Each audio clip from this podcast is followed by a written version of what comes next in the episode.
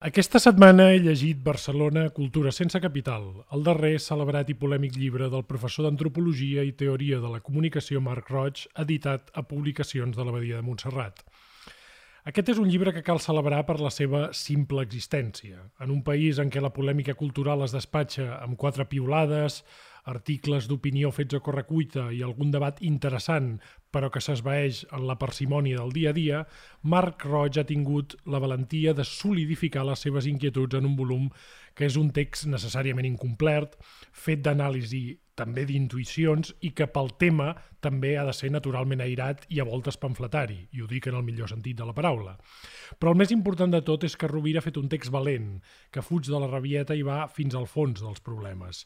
Primer, en al gra, la incapacitat d'aquest nostre país, o de la seva administració, d'haver assolit una cultura autènticament popular, nacional en el sentit més íntim del terme.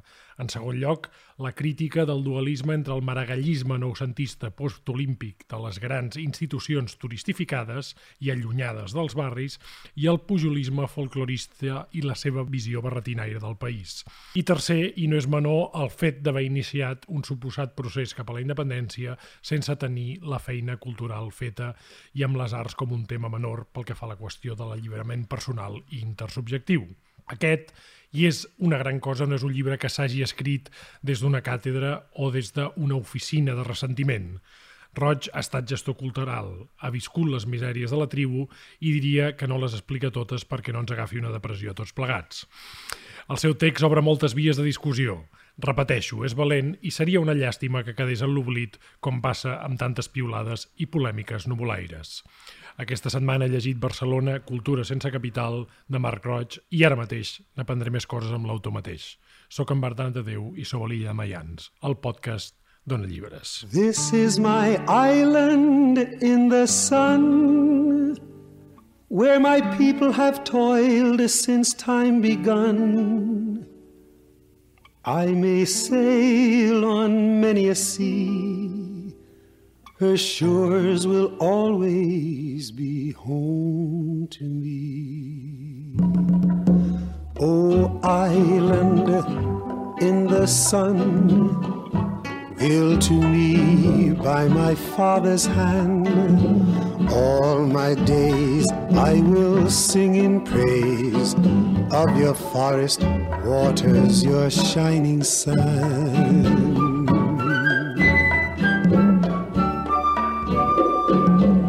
Marc Roig, benvingut a la meva illa, com estàs? Molt bé, gràcies. No sé si tens alguna cosa a discutir de les que he dit, eh, però hi entrarem, no. hi entrarem més a fons. Em sembla que actua com a magnífic resum, o sigui, crec que has tocat els principals temes. Potser ja per entrar podria dir mm -hmm. que aquesta idea de que té una part de biografia mm -hmm. en el mhm. sentit de que jo començo de molt jove amb un esplai, després em faig uh mhm. -huh. animador sociocultural als barris, etc. Començo a organitzar concerts de rock uh -huh. amb, un, amb un casal de joves, etc. D'aquí em professionalitzo i començo en el món de la producció. En un moment, als 80, que és el moment, diguéssim, de, de l'ebullició col·lectiva, casals de joves, centres cívics, etc. Després em professionalitzo i acabo de director executiu del Festival BAM, que en el seu moment és un festival absolutament de referència. Després, quan el Primavera Sound creix, potser el BAM ja no té tant sentit com havia tingut fins aquell moment a la vegada començo a fer producció d'esdeveniments per l'empresa Focus i per tant també entro en el sector del, del teatre. També començo a fer de comissari d'exposicions amb un parell d'exposicions al mhm. -huh. Palau de la Virreina, una sobre el cor de les tenebres de Joseph Conrad i sobre mhm. -huh. colonialisme europeu, una altra sobre la infància que es deia El rei de la casa, un, la primera comissària amb Jorge Luis Marzo, la segona amb Andrés Hispano i una mica com veus doncs, I sí, després sí. aterrisso en el món de la universitat coordinant un postgrau de producció cultural que després es converteix en un màster de producció cultural i quan ja porto una estona reflexionant en el món de la universitat eh, penso és el moment ara de, de, de mirar una mica enrere i de veure el que ha passat. I el llibre, com saps, doncs combina la reflexió amb, amb l'anècdota, però és que jo crec que l'anècdota sovint és la millor manera d'exemplificar uh -huh. perquè, sí, sí. perquè unes coses, no, em sembla que és de Gramsci aquesta idea, no? perquè una, unes coses que veiem lògiques en un moment donat, eh, al cap d'un temps no ens ho semblen, o, eh, i, i, i per tant aterrissar l'anècdota personal és la manera, tu deies, eh, no sé si són totes les anècdotes, són les que em van bé per explicar Segur, processos... Per contextualitzar algunes coses. No, però, però a, a mi em sembla interessant dir que has estat al camp de batalla i que per tant has, has, has format part de, de la cultureta, diríem així, I, vull, i, i que la cultureta explica coses sobre la cultura. No? I vull que, que s'entengui el llibre sempre pensant que és una història explicada des del camp de batalla, ah, perquè crec que... que no, no, això queda, queda claríssim i per això justament n'hem volgut fer un episodi aquí a l'illa de Mayans. Igualment, la, la, la, teva, la teva formació i la teva dèria és l'antropologia i el llibre eh, és molt interessant perquè comences llegint un llibre sobre Barcelona però comences fent una radiografia de la tribu, per dir-ho així, és a dir, comences parlant del caràcter dels catalans. Això pot sorprendre una mica el lector, a mi no em va sorprendre perquè, clar, aquí comences com el que ets, diguéssim, un, un antropòleg de formació. Primer, primer comences a dir que això de ser català, a banda de ser cansat, no és gaire fàcil, no? per dir-ho així. Abans d'analitzar la capital, analitzes una mica la tribu. No? Sí, eh, eh, jo crec que a l'hora d'apropar-se a la cultura catalana, i tot i que la meva intenció inicial era fer un relat de, de batalles, em vaig donar compte que havia de fer una mica de contextualització, d'emmarcament del que passava. Gairebé diria que aquest primer capítol eh, es gesta a la meitat al final quan em dono compte que tot el que estic explicant necessita un preàmbul, per dir-ho d'alguna manera, no?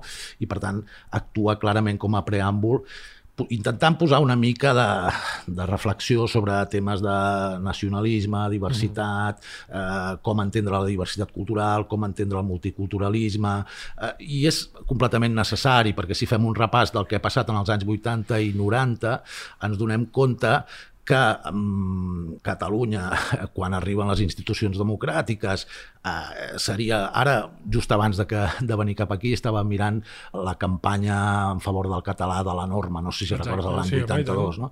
i deia el català és cosa de tots, no? hi havia sí, sí. aquest esperit inclusiu, sí, sí. semblava que, que es anava en aquesta direcció i tot això es comença a torçar a poc a poc, aquesta idea d'entendre de, de, que la cultura catalana és la cultura pròpia, és la cultura autòctona, eh, que s'ha de treballar amb una lògica de cultura nacional. Si, si pensem, els francesos ho tenen molt clar, que París és la capital de la francofonia i la situació a Catalunya és complicada perquè és una comunitat lingüística de les grosses que hi ha a Europa, no sé, no sé, potser anem després dels alemans, no sé, hi ha els, sí, sí. els uh, anglesos, francesos, alemans, però després ja entraríem a Dinamarques, Noruegues, amb el qual ja, ja hi de, som. De les però... petites som de les grans, per dir-ho així, no? De les petites som de les grans. Però segur que som l'única que no té un estat al darrere uh, que, que fa de la seva capital doncs, la capital de, de la cultura, i, i això vas veient que en el moment que es recuperen les institucions democràtiques Sembla que hi ha un primer intent. Una de les crítiques que se m'ha fet en el meu llibre, i amb raó, és que parlo poc del Congrés de Cultura Catalana sí. dels anys de 79,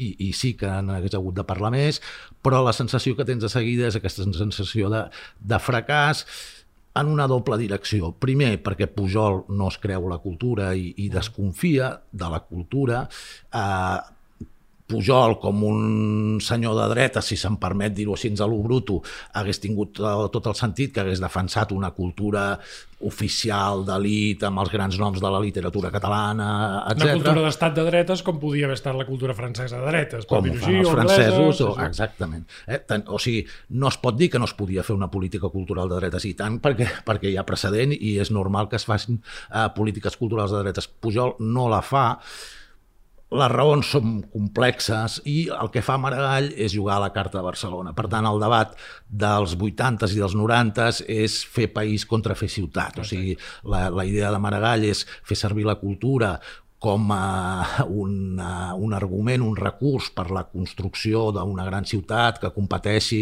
amb la, les ciutats, amb un rànquing de ciutats europees i, per tant, una ciutat creativa, cool, eh, culta, etc.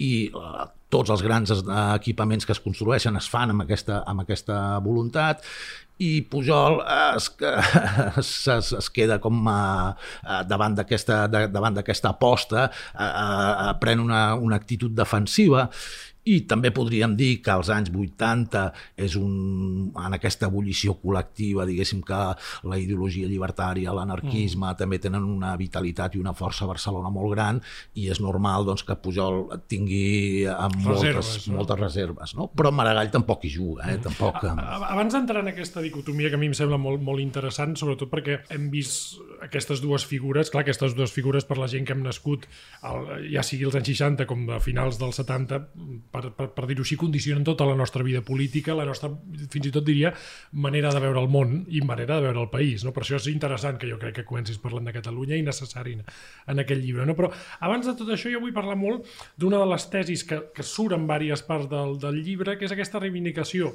i a més penso que és interessant que parlem de la cultura popular. No cites, per exemple, com a, com a font, diguéssim, com a necessitat de que una cultura sigui nacional, el fet de que sigui popular, que són dues coses que també a vegades hem vist com a contraposada. A, a mi m'interessaria que, que expliquessis una mica ben bé quin és el teu anel de cultura popular. És a dir, que de, de, perquè parlem de cultura popular i justament per un prejudici del pujolisme sembla que estiguem parlant de valls de bastons, no? És a dir, I tu dius, la cultura ha de ser necessàriament popular i amb això hem fallat, no? Sí, mm, la primera cosa que haig de dir és que aquest llibre és d'autor de, de Xavier Albertí, és a dir, jo quan vaig anar a veure l'exposició paral·lela al CCCB, curiosament, una de les poques exposicions en el CCCB que parlava de la cultura de la ciutat, cosa que normalment no passa i és una de les coses que, de les que em queixo, no? Comences a adonar-te i després també quan llegeixes a diferents historiadors, a Termes, a Fontana, sí. a, a, a Benet, et comences a veure que, que aquí ja està passant alguna cosa a la transició en el sentit de que no hi ha una clara voluntat de recuperar aquella cultura popular que, sens dubte, era obrera, era urbana. Clar, com que hi ha aquesta dicotomia entre que eh, Pujol la, eh, guanya la Generalitat i, i guanya a les ciutats petites i en canvi Maragall guanya Barcelona, uh -huh. clar, aquesta dimensió urbana de la cultura eh, queda molt, sí, sí. molt, molt diluïda. Hi ha un prejudici i... del que, que, segons el qual postpujolista la cultura eh, popular catalana és burgesa. Exactament. Cosa que Termes, Fontana demostren que no, i quan estem veient el paral·lel estem veient una cultura obrera, viva, progressista, eh, fins i tot mediterrània, canalla, però no obstant això, que és font del nostre patrimoni, no? Per això a mi celebro molt que aquest llibre sigui albertinià, no?, en aquest sentit. Sí, sí, no, per mi, ja t'ho dic, eh, les tesis d'Albertí van resultar com una, un descobriment que em van ajudar a acabar de completar les peces del trencaclosques per acabar de dir què passa aquí, no?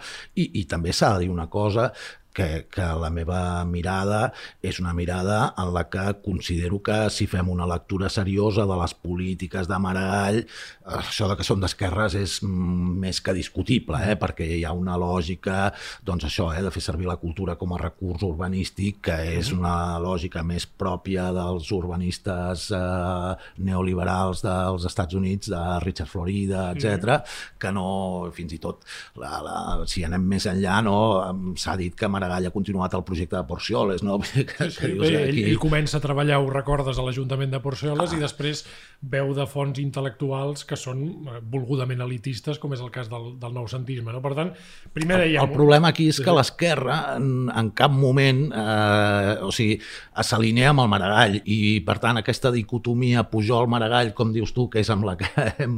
Sí, sí, hem, hem mamat. Hem, hem mamat. Hem, hem, clar, no, no, en cap moment veus que hi hagi una, una esquerra que s'estigui rearmant dient, escolta, és que la cultura autòctona catalana és una cultura popular, obrera, etc. Això no passa i, i no passa fins uh, molt més endavant. Ara sí que fins i tot uh, no sé, el Delgado, el Manel Delgado mm i les crítiques al fòrum i les crítiques a les polítiques de, culturals de Maragall són molt, molt, molt tard, o sigui, són ja ben entrat al segle XXI. Perquè no? hi ha, hi ha, hi ha una, uns optimistíssims anys 90 que són els anys postolímpics en el qual la reflexió cultural, és a dir, vivim tant l'abundància que la reflexió cultural o algú que posi peròs a l'apogeu cultural dels 90 era vist, eh, o encara avui seria vist com un foteta, no? És a dir, eh, hi han aquests dos models, però hi ha una Barcelona que et diu, escolta, sí, què volies? Una Barcelona pobra? Com si la Barcelona que tu reivindiques de la cultura popular, dels barris, hagués de ser necessàriament pobra, no? És que és, és molt complexa d'analitzar perquè eh, implica analitzar els anys 80 i un altre dels reptes que han estat difícils per mi és, eh, és aquest, hi ha aquest capítol que jo li dic l'escala de l'evasió, que sí. primer no tenia aquest nom i després li vaig posar aquest nom per donar eh, més força a aquesta idea de, de que els anys 80 són uns anys de pilotada, són uns anys d'evasió, són uns anys de construcció de grans equipaments, són uns anys difícils d'entendre perquè aquest entusiasme que després es converteix en entusiasme olímpic, que també té que veure a Madrid és la mòvida madrilenya sí. i, i aquest entusiasme de modernitzar el país a qualsevol preu, també implica mm, tota una sèrie de peatges i tota una sèrie d'oblits que, que, que al final, no? jo dic que podríem dir que tant el procés com el moviment del 15M són, eh, tenen a veure moltes vegades amb aquesta sensació de dir que vam fer els 80, no? que vam fer a, a la transició, que ens vam deixar moltes coses pel camí. No? I aquesta sensació de que els 80 són eh, uns és difícil perquè també són anys de reconversió econòmica, uh -huh. són anys de, de, de moltes dificultats, però sí que hi ha una classe mitja o una classe mitjana que, que, mm, que s'entusiasma amb aquesta idea de, de la internacionalitat de Barcelona, del cosmopolitisme, del multiculturalisme, i, i en aquest procés s'oblida d'aquesta dimensió popular de la cultura, de la cultura catalana. En, en qualsevol cas, i això també t'ho volia preguntar, expliquem una mica també per qui no hagi viscut aquells anys, aquest binomi, no? Hi ha un binomi entre el que tu anomenes el, podríem dir el, el folclorisme pujolista, és a dir, que és aquella idea de la cultura com una cosa que cal tema, és a dir, abans deies Pujol no, no, no, no creu en la cultura, al contrari, jo diria que la, la tem és una cosa que com més, com més lluny la vol millor, fins i tot fa intents de, de, de comprar part dels intel·lectuals d'esquerres, els hi munta una universitat per ells, com dient, nois, eh, us donaré una mica de diners perquè, per tenir-vos content, i després hi ha aquesta cultura que en teoria que és d'esquerres, que és més urbanita, que és noucentista, però que també ve d'unes arrels profundament burgeses com és la cultura maragallista, que deriven més o menys en la ciutat que coneixem ara. No? Mm. Per tant, eh, la cultura de sobreviure entre dos pols, que són molt atraients, perquè són dues figures polítiques i dos moviments molt bèsties, però en el fons són dos alienacions, per dir-ho en sí, marxista, sí, sí. no? que ens desvien del centre de la cultura. Hi ha aquesta cultura popular romàntica i aquest noucentisme de grans infraestructures que no acaben, per dir-ho així, d'aterrar en el teixit cultural de, de, del país, per dir-ho així, no? Sí, no, com tu has dit al principi, és un, és un llibre que obre molts debats i, i, i per tant, eh, és inacabat i, i queda molt per dir. Hi ha, hi ha ho, molt, ha de ser, ho ha de ser, però algú havia de començar, no? algú havia de sí, començar. jo intento posar ordre també en aquest embolic noucentisme, modernisme, perquè, clar, com que el Pasqual Maragall és net de qui és, sí, sí. eh, tenim la sensació de que Maragall és eh, clarament modernista, però després quan comences a mirar el plan plantejament et dones compte que les polítiques de Maragall són una, una continuació del projecte de la Mancomunitat, uh -huh. que, que per altra banda era un projecte és, és un projecte de creació de la Mancomunitat, però si mirem Prat de la Riba, Prat de la Riba tenia més que Maragall la idea de dir a tots els municipis hi ha una biblioteca, la cultura catalana s'ha de convertir en la cultura nacional, o sigui, aquesta idea de cultura-nació eh, mm, la tenia més clara fins i tot Prat de la Riba que no Maragall, no? Però sí que és cert, eh, si, jo què sé, per, per posar-ho fàcil, en la, en la creació del MACBA, la batalla és si s'ha de dir Museu d'Art Contemporani de Barcelona o Museu d'Art nacional d'art contemporani sí. o de Catalunya. És, és una batalla que també té la seva translació musical amb l'Orquestra Simfònica de Barcelona i Nacional de Catalunya, que és una d'aquelles coses estranyes. De... O el CCB o, o, o tants i tants d'altres que dius que juguem la carta, no? Ara, quan estava entrant cap aquí, estava pensant, bueno, aquesta llibreria que la Ona, que és fantàstica, hi ha, hi ha dos arguments per defensar-la.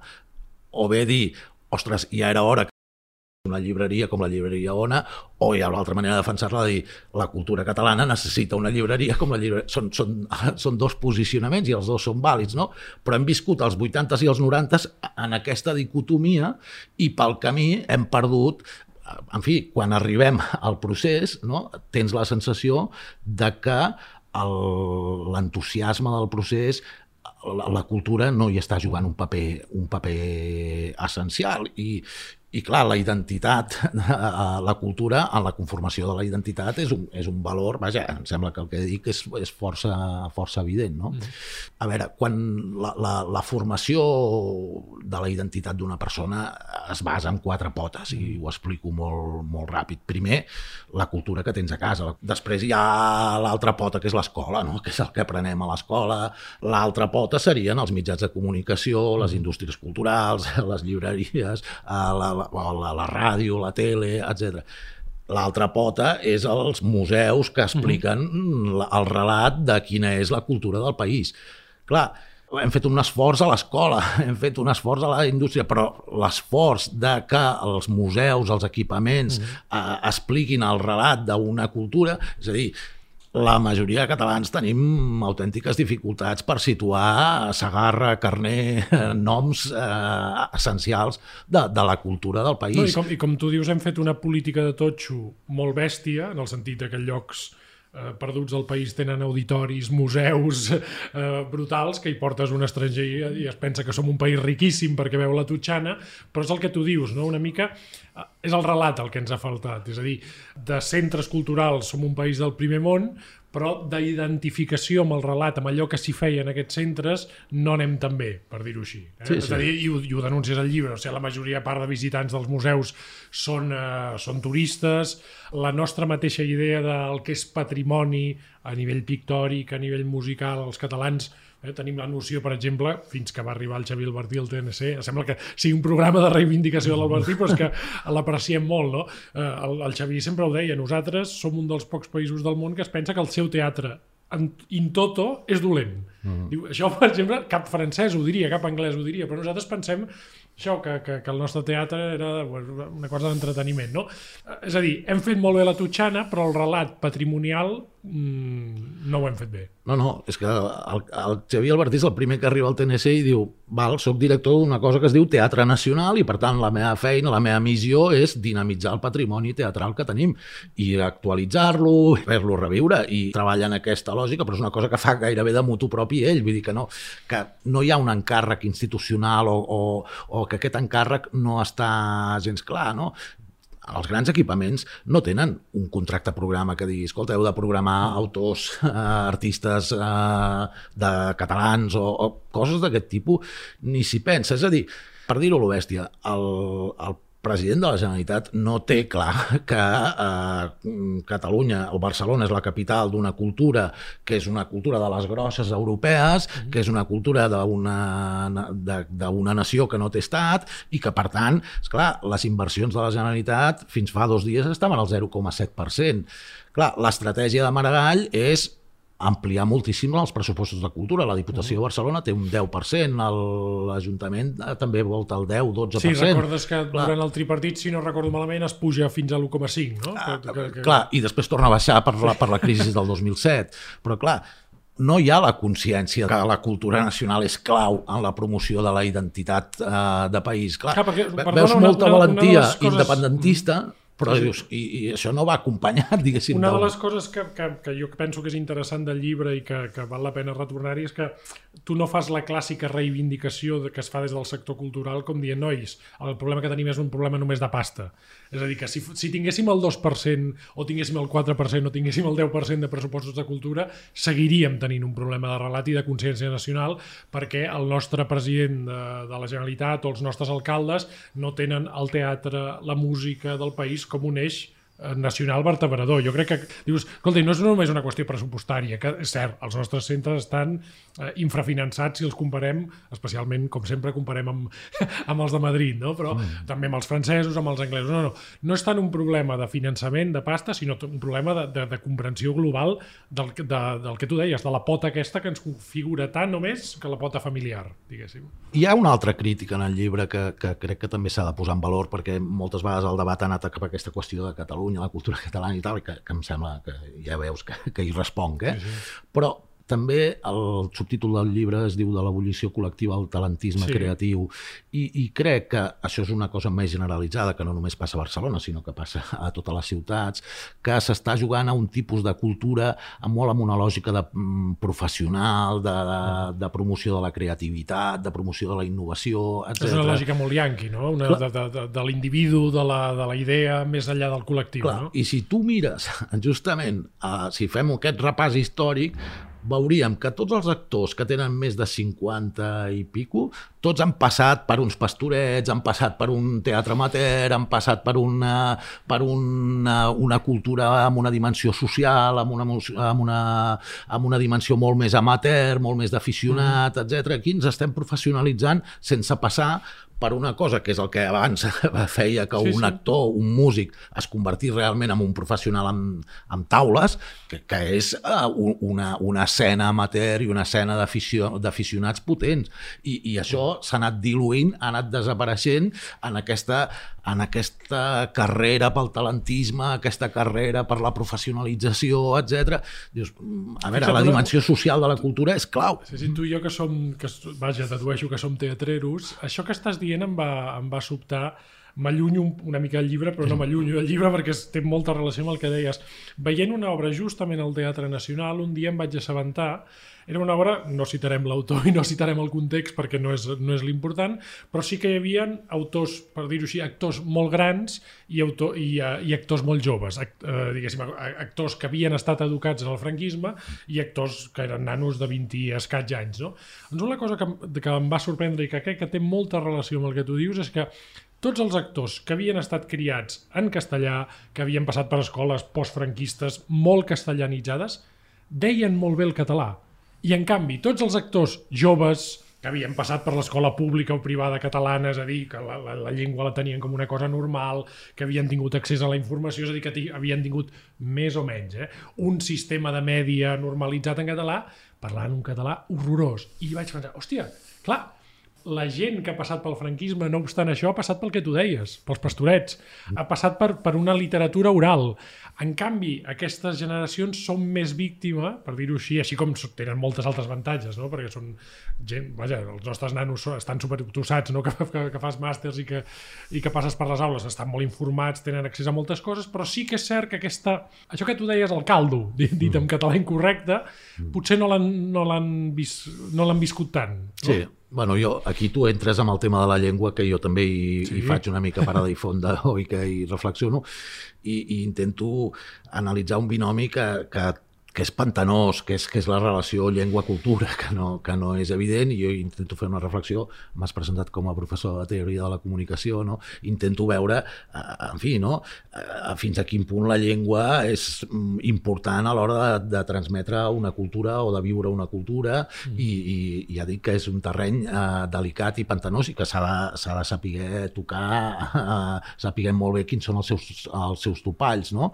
Però el balanç que podem fer, jo, mira, jo jo tinc un, un fill de 21 anys. Uh -huh. El meu fill de 21 anys va a viure amb boles de drac, amb Doraemons, uh -huh. amb no sé què, i aquesta cultura mediàtica en, feia que el pati de, de la seva escola es parlés en, en català. Home, i, sí, sí. I després tinc una filla de 16 anys que em fa molta gràcia perquè amb amigues catalanes al pati parla en castellà, o sigui que directament es parla en castellà. I després tinc una filla de 5 anys que eh, ho té claríssim, en castellà tot. Sembla, sembla que tinguis fills expressament per, per fer un Per estudi demostrar la- lingüístic, però, però No, no, no, dia, és real, eh? L'exemple No, perquè és real. eh, eh, va a una escola eh, multicultural de Gràcia i aquí em pots dir, em pots qualificar com vulguis, No, no, no, però, no, però no has dit- va a no una escola de no Gràcia, pares francesos, pares italians, pares no sé què, la llengua vehicular es converteix en el En castellà i l'escola està fent un esforç eh, real, diguéssim, de, de, de promoure l'ús del català, però després... Eh, és a dir, jo sóc partidari de les quotes, eh? jo crec que són necessàries, justament explico una anècdota quan jo era director del, del BAM, director executiu del BAM, va, va aparèixer tot el fenomen del rock català, que en bona mesura era producte de les quotes, Sí. perquè hi va, hi va començar a haver... I clar, uh, uh, ho diré amb totes les lletres, a mi Sopa de Cabra i Sang Traït i fins i tot els pets en aquell moment semblaven una merda, o sigui, em semblaven música... Ho dius, que era, que era una música que anava 20 anys enrere, que a tu t'interessava ah, molt més el punk, el rock... Exacte, sí, sí. m'interessava més el que estava passant al, al, al, a l'extraradi, si m'ho permets dir-ho, sí, sí. a, a una música més de suburbi, etc. I, i aquest rock rural, doncs, eh, després els pets els vaig acabar perdonant, no? però, però amb, no m'interessava gens i en canvi em, em emprenyava aquesta promoció, però el que explico és que aquesta, aquestes polítiques d'excepció, aquestes quotes, etc, al final, m'agradi o no, han acabat normalitzant mm. i després han pogut sortir doncs, grups, eh, digue'ls els noms que vulguis, en, on el tema de cantar en català ja no ha tingut aquest caire de reivindicació política, ja no ha mm. tingut aquest caire de... A, avui en dia certs grups poden cantar en català perquè abans s'havien fet quotes i no han de ser vistos no han de ser vistos aquests grups com necessàriament polítics eh, el fet, en el fet de cantar, per dir-ho el, el, el lema del meu llibre podria, podria ser menys poesia creativa i més prosa administrativa, és a dir, menys a Catalunya i tal, i menys, menys cantar les essències de la pàtria i menys romanticisme i més treball administratiu, de promoció, de, de, de treballar realment polítiques culturals eh, amb quotes o amb el que sigui, eh? amb, amb, amb accions administratives directes que, que promoguin eh, doncs això, l'existència d'una cultura autòctona, d'una cultura local, etc. Una, una dels, de, de les crítiques que se't podria fer aquest llibre, jo crec que un llibre de denúncia ha de ser un llibre de denúncia, perquè a vegades et diuen, però tu què proposes, no? Eh, jo crec que sí que hi ha algunes propostes, però abans de, de fer la proposta cal fer la denúncia, no? Sí que és cert que en alguns moments apostes per una, jo diria, una cultura, una forma de cultura més porosa, no? Més, més que vagi més als barris, més directa, el que deies ara una mica més menys grans lemes, menys grans institucions i més, més al, al carrer, per dir-ho per dir en plata. No? Sí, sí, no, per aquí, per aquí la insistència de la, la necessitat d'una cultura popular, la necessitat d'una una cultura de proximitat, i exacte, vull dir que s'ha treballat amb una lògica en el que no, no s'ha fet aquest treball de base, que és un treball absolutament... Eh, que és el treball de la, de la producció cultural i que és el treball de la gestió cultural, i el llibre també fa aquest intent d'explicar aquest traspàs que va de l'animació sociocultural, de l'animació uh -huh. dels barris, a aquesta gestió cultural més, més professionalitzada, perquè és una cosa que jo vaig viure, no? que, va, que vaig viure, jo vaig fer el així, primer et vas, màster... Et vas, et vas formar fent les coses, Clar. és a dir, vas aprendre com es muntar un concert agafant... Exacte, sí. agafant un escenari i muntant-lo, no? Sí, però hi va haver un moment que el que passava als barris, l'animació sociocultural, aquest treball més de base, va, casar, va quedar com una cosa poc professional, uh -huh. eh, de del món amateur i tal, i per tant va perdre dignitat i el que es parlava és de la professionalització de la, de, de la gestió cultural, etc. I clar, tot, tot aquest intent de professionalització pel camí eh, va anar deixant aquesta dimensió més, eh, més social de la, de la cultura i ara és el que trobem a faltar. Vull dir que, en fi. I en relació al que dius de propostes, ho has dit tu al principi, aquest és un llibre enrabiat i, sí. i té una part de, de, de, llibre, de, de, de llibre escrit una mica pel broc gros i, i enrabiat amb un rerefons de reflexió potent perquè... Doncs, no, és que no, jo crec que t'has d'enrabiar, és a dir, si tu parles Clar. de la cultura i Catalunya t'has d'emprenyar perquè realment veus un país amb... amb s'està veient ara en, en coses com la música, per exemple, que produeix molt talent però que l'aprofita molt malament, no? Llavors, o sigui, és, si et fan sí, escriure sí. sobre això només només et pots emprenyar, per dir-ho així, no? Sí, però bueno, és un, és un enrabiat amb un rerefons de ser coordinador d'un màster on la, i ser professor de polítiques culturals amb un, amb, amb un màster a la Universitat de Barcelona i per tant aquí hi ha moltes idees de Joaquim Rius, hi ha moltes idees de Rubén Martínez, hi ha moltes, moltes idees de Jordi Pasqual, és a dir, d'analistes de política cultural que estan amb els que col·laboro habitualment en el màster i hi ha una, una reflexió potent al darrere.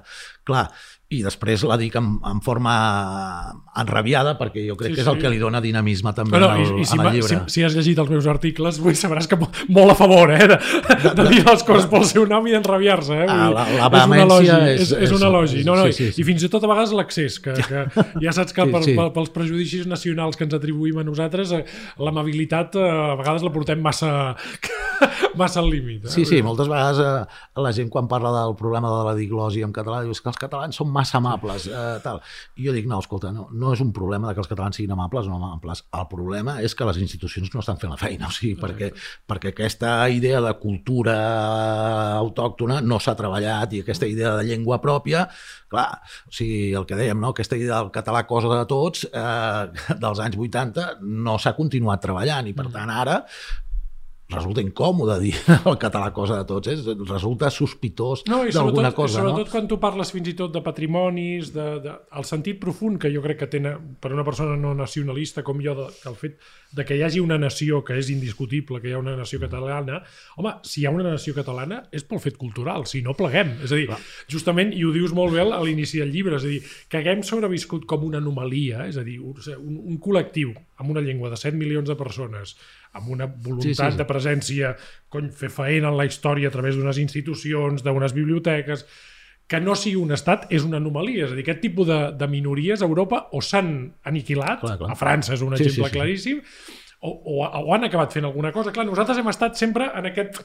El que, en el, que resulta, el que resulta estrany és perquè l'independentisme no ha jugat la carta de la cultura dient és un dels baluars, Exacte. és un, del, un dels elements essencials ha quedat oblidat, no? I dius, i això costa molt d'entendre per què, això, per això què, amb, amb això volia, volia, això, no? volia acabar perquè se'n... Vaja, sí, no, només dir-te una cosa. Però, però, digue'm, digue'm que el llibre és poc propositiu, i et dono tota la raó que és poc propositiu, però és clar, jo penso que aquest és un relat enrabiat de denúncia i després toca asseure's i dir, doncs vinga, va, ara, però ja no ha de ser només una persona que ho pensi, Total. ha de ser, ara estem vivint una, una ressaca postprocés, si m'ho permets dir, o tal, i la sensació de dir que hi ha alguna cosa que no és il·lusionant, o sigui, la gent, eh, hi ha un vot de frustració, hi ha un vot de, de, de ressentiment de, del tipus ens han humillat i per tant jo voto independentista perquè ens han humillat, però en canvi no falta aquest discurs de dir estic il·lusionat amb un projecte i, mm. i, i clar, perquè la cultura no hi és en aquest projecte i aquesta dimensió... Però jo diria que ens hem d'aclarir amb, amb què és el nosaltres, sí, no? que, que, és la, que és la base de la cultura. És a dir, quan, abans, abans d'anar a prendre la, la Bastilla i, i a, si cal cremar sí, containers sí, sí. i tal, hem de, hem de veure què és aquest nosaltres, com l'expliquem, Uh, I sobretot a través de quines institucions ho fem, vist que les que hi ha ara no ens expliquen, no? Això és el que vindria... Intento, al principi del llibre, intento eh, parlar molt d'aquesta idea del, del nosaltres, recorda no? els ciutadans de Catalunya, sí, sí. no? Mm, durant 30 anys eh, ni el Pujol ni el Maragall van jugar la carta clara d'una cultura nacional i tot de cop d'un dia per l'altre ens tornem tots independentistes. Sí. I dius, aquí hi ha alguna cosa que no s'acaba d'entendre. No? Sí, no, no, els, els, els grisos ens els hem, hem saltat. I jo, jo per, per acabar et volia dir, eh, perquè et fas aquesta pregunta que és molt lògica, i jo diria que això és la clau de tot. O sigui, jo diria que la independència i l'independentisme no ha anat seriosament, i es veia que no anava seriosament perquè no hi havia un projecte cultural darrere. Perquè quan hi ha un projecte cultural darrere, al final la cultura s'imposa. O, és a dir, o en tot cas el sentiment de frustració que tenim ara seria d'una altra manera. Bueno, però, però hauríem jugat la partida, és a dir, una cosa és que una cultura minoritària en el joc de les cultures del món perdi per petita, l'altra és que no concursi. Sí. Jo crec que sentim frustració perquè hem vist que, que, que la guerra global, per dir-ho així, de, de les cultures no hem concursat. I, i que quan... és, molt, és molt difícil concursar-hi per, per, per la globalització, pel nacionalisme banal, etc. Però també hi ha una cosa que a mi em sembla que que aprofito per dir, hi ha prou de dir és culpa de Madrid, o sigui, no, no, no, no això ha estat fatal. A, el que ha passat no és culpa de Madrid, no. o sigui, és que ens hem endreçat aquí com ens hem endreçat, però és una mica peregrí mm, explicar-ho dient és que Madrid no ens deixa. No? Bueno, sempre, sempre hi ha hagut eh, vaja, el nacionalisme ha tingut dos, dos resultats per mi tremendos, que són el, el folclorisme, que sempre és, una, és, sempre és una banalització de la cultura popular, que jo penso que amb això el teu llibre uh mhm. -huh. està super ben aconseguit i està molt ben explicat, no confondre una cosa amb l'altra, i després és que sempre s'acaba en el martirologi. És a dir, al final tu mai no acabes de tenir la responsabilitat de res, no? Clar. perquè la, la culpa sempre o és Clar. de Madrid o tu sempre t'acabes justificant la teva pròpia tortura i per això estem ara en aquesta espècie de frustració de, de, de màrtirs que no la sabem portar ben bé perquè també som una tribu que ens agrada fer coses, no? Sí, sí. Perquè si no, no hauríem sobreviscut culturalment, no? Suposo que, que hi ha tots aquests factors a l'hora d'analitzar-nos. Jo la veritat és que arribo fins on arribo perquè, com tu explicaves fa una estona, com la cultura catalana ha sobreviscut en els darrers 200 anys resulta una cosa gairebé misteriosa, sí. perquè, perquè eh, sí, sí, a veure, és, jo sé, penses en l'occità o els bretons... Sí, sí o, els corsos, o, o, sí, sí, les tribus italianes que no tot corresponien al cànon, totes fora. Sí, sí. Bueno, és, és l'única comunitat lingüística que avui que, que, que no té un estat al darrere i que continua sent una cultura amb tots els perills que té, però que té una cultura urbana, no? Amb, amb sí. això t'agraeixo molt que vagis en aquesta direcció, perquè la conclusió al final de, del llibre és també, ostres, és un tio que, que creia en una cultura catalana urbana, popular, etc i que el que explica és aquesta sensació de, de sentir-se orfe de, davant d'aquesta possibilitat, no? És, és un llibre dolorós en aquest sentit, de, de dir, hosti, mm. mm. què ha passat aquí? No? També és cert que jo, clar, m'ho mirava, eh, jo, jo sóc nascut l'any 79 i em trobo ara, suposo que com tu, en una Barcelona avorrida, en una Barcelona frustrada, i una mica penso que llibres com aquests són necessaris també perquè la gent més jove reaccioni, no? En el sentit de dir, mm, escolta, nosaltres ja hem fet, ja hem tingut una ciutat, hem tingut els nostres bars, hem tingut els nostres grups de música, hem organitzat els, nostres, els nostres festivals, però, hòstia, des d'on començarà a currar a la gent? Perquè realment veus la ciutat ja no et dic el país, però veus la ciutat culturalment molt adormida. No? Bueno, a veure, sí, jo et dono la raó relativament en el sentit de que moltes de les crítiques que he tingut han anat una mica amb la línia de dir com pot ser que un tio de la teva edat, de, de, de l'any 64, eh, tingui aquesta capacitat de, de fotre una carregada als 80, als 90 i, i, i es doni compte de que... Eh, o sigui, clar, normalment el que, el que passa és que els que tenen 60 i 70 diuen, oh, jo el franquisme, jo tal, no sé què, i després els que els xavals més joves que tenen actituds més radicals, etc. Tal, però però de la, de la generació dels 40-50, eh, clar, vam viure els 80 amb una alegria, eh, doncs això, amb una sensació de pilotada, especialment les classes mitjanes que, mm -hmm. o sigui, el llibre acaba amb una reflexió sobre les classes mitjanes. Aquí, inevitablement, també hi ha hagut un procés de degradació de les classes mitjanes. És a dir, bueno, ha desaparegut la classe clar, mitjana, clar, literalment. I, I aquesta classe mitjana, que era la que als anys 80, diguéssim, va arribar al món de les institucions, avui es dona compte que se'ls hi està acabant la paradeta. Si agafen llibre... encara, si agafen, perquè els, sí, els sí, costa sí. molt sortir de la paradeta. Bueno, la van inventar ells, la paradeta, clar. Però la, la, la, les, el que explica el llibre també és eh, la crisi de les classes mitjanes jo crec que, com explica molt bé l'Arnau González Vilalta, o sigui, el, el procés també té molt a veure amb una crisi de classes mitjanes. O sigui, i, i es pot explicar molt bé en aquesta, des d'aquesta lectura. Aquest llibre devia tenir moltes prèvies amb reflexions que tu feies en un àmbit privat o parlant amb companys. Jo sempre he notat que quan faig un article sobre cultura general o mèdia tens alguna gent que et protesta, però quan fas un article sobre polítiques culturals hi ha, un de, hi ha com un silenci d'aquells de l'oest, saps? Aquells que, que passen boles de palla, és a dir, sembla que toquis unes coses de les quals eh, hi ha la pitjor forma de censura, que és que no hi hagi debat. Ara que el llibre ja, ja fa un cert temps que ha sortit, que circula, has notat boles de palla, hi ha resposta, hi ha, hi ha ganes de que això es debati, perquè, hosti, en aquest llibre per mi hi ha moltes línies que derivarien en congressos i en... I en és a dir, ens, ens hi podíem entretenir en moltes de les qüestions que dius és complicat de dir. Jo, jo crec que la gent, en general, li fa molta por parlar de política cultural i no s'hi acaba de trobar com i no, i no troba les eines i hi ha poques discussions de política cultural com, com dius tu. Vaig anar al 324 i al Grasset vaig estar una estona parlant amb ell i després uh, va anar a la taula i, va, i els hi va preguntar als tertulians alguna a cosa a dir? Allò Exacte. que diu alguna cosa a dir? Silenci absolut. I la sensació de tota, tota la gent, uh, amics que em trucaven, diu, escolta, és que els tertulians sembla que no hagin entès res del que s'ha explicat, no? la sensació de, de, que no tenien ni idea ni per on començar. Clar, parlar de la dimensió política de la cultura, de la dimensió social de la cultura, a la gent li fa por i és, fixa't que ho acabes de dir tu una estona, sembla com la solució és posar més diners, posar més diners. No, no, la, la, la, les polítiques culturals és que ho diu la paraula, van de política. I sí, per sí, tant sí. de, de prendre decisions polítiques. I, i el, és el que intento en el llibre és no tenir por a, a, a entrar en el debat que no és un debat esclar, més marcat, més marcat, no, més marcat, més creativitat, més no tal, no, ja està, no, no, no va per aquí la batalla, no?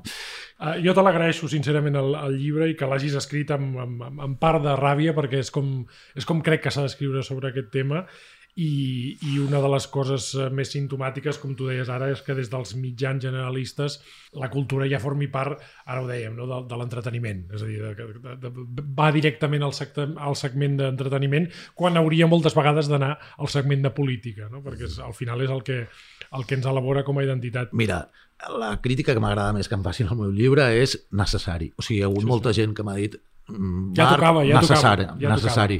I, i, I per tant vol dir, ep, aquí, aquí toca, toca debatre. No, no, tu, tu torno a repetir, necessari, ja tocava i a més a més no és fàcil escriure de cultura sense, sense provocar ferides, perquè tu ja saps que en el món de la cultura també la gent s'ofèn a vegades sí, sí, sí. Molt, molt ràpidament i, si, eh, i, i no et dediques a raspallar i això eh, també implica pagar el seu preu, però, però escriure és ficar-se en problemes. No, no, però tu general. veus, en el, en el repartiment de carteres, al final el conseller de Cultura és el germà pobre, és l'últim. Sí, la Maria, no? que dèiem abans. Clarament. doncs Marc, moltes gràcies i fins aviat, espero. Vale, molt bé. Revilla, viejo cerdo, vamos a tromparnos, nos han estado jodiendo vivos durante muchos años. Revilla, viejo cerdo, nos vamos a trompar, que la cultura es tortura, no nos vamos a engañar.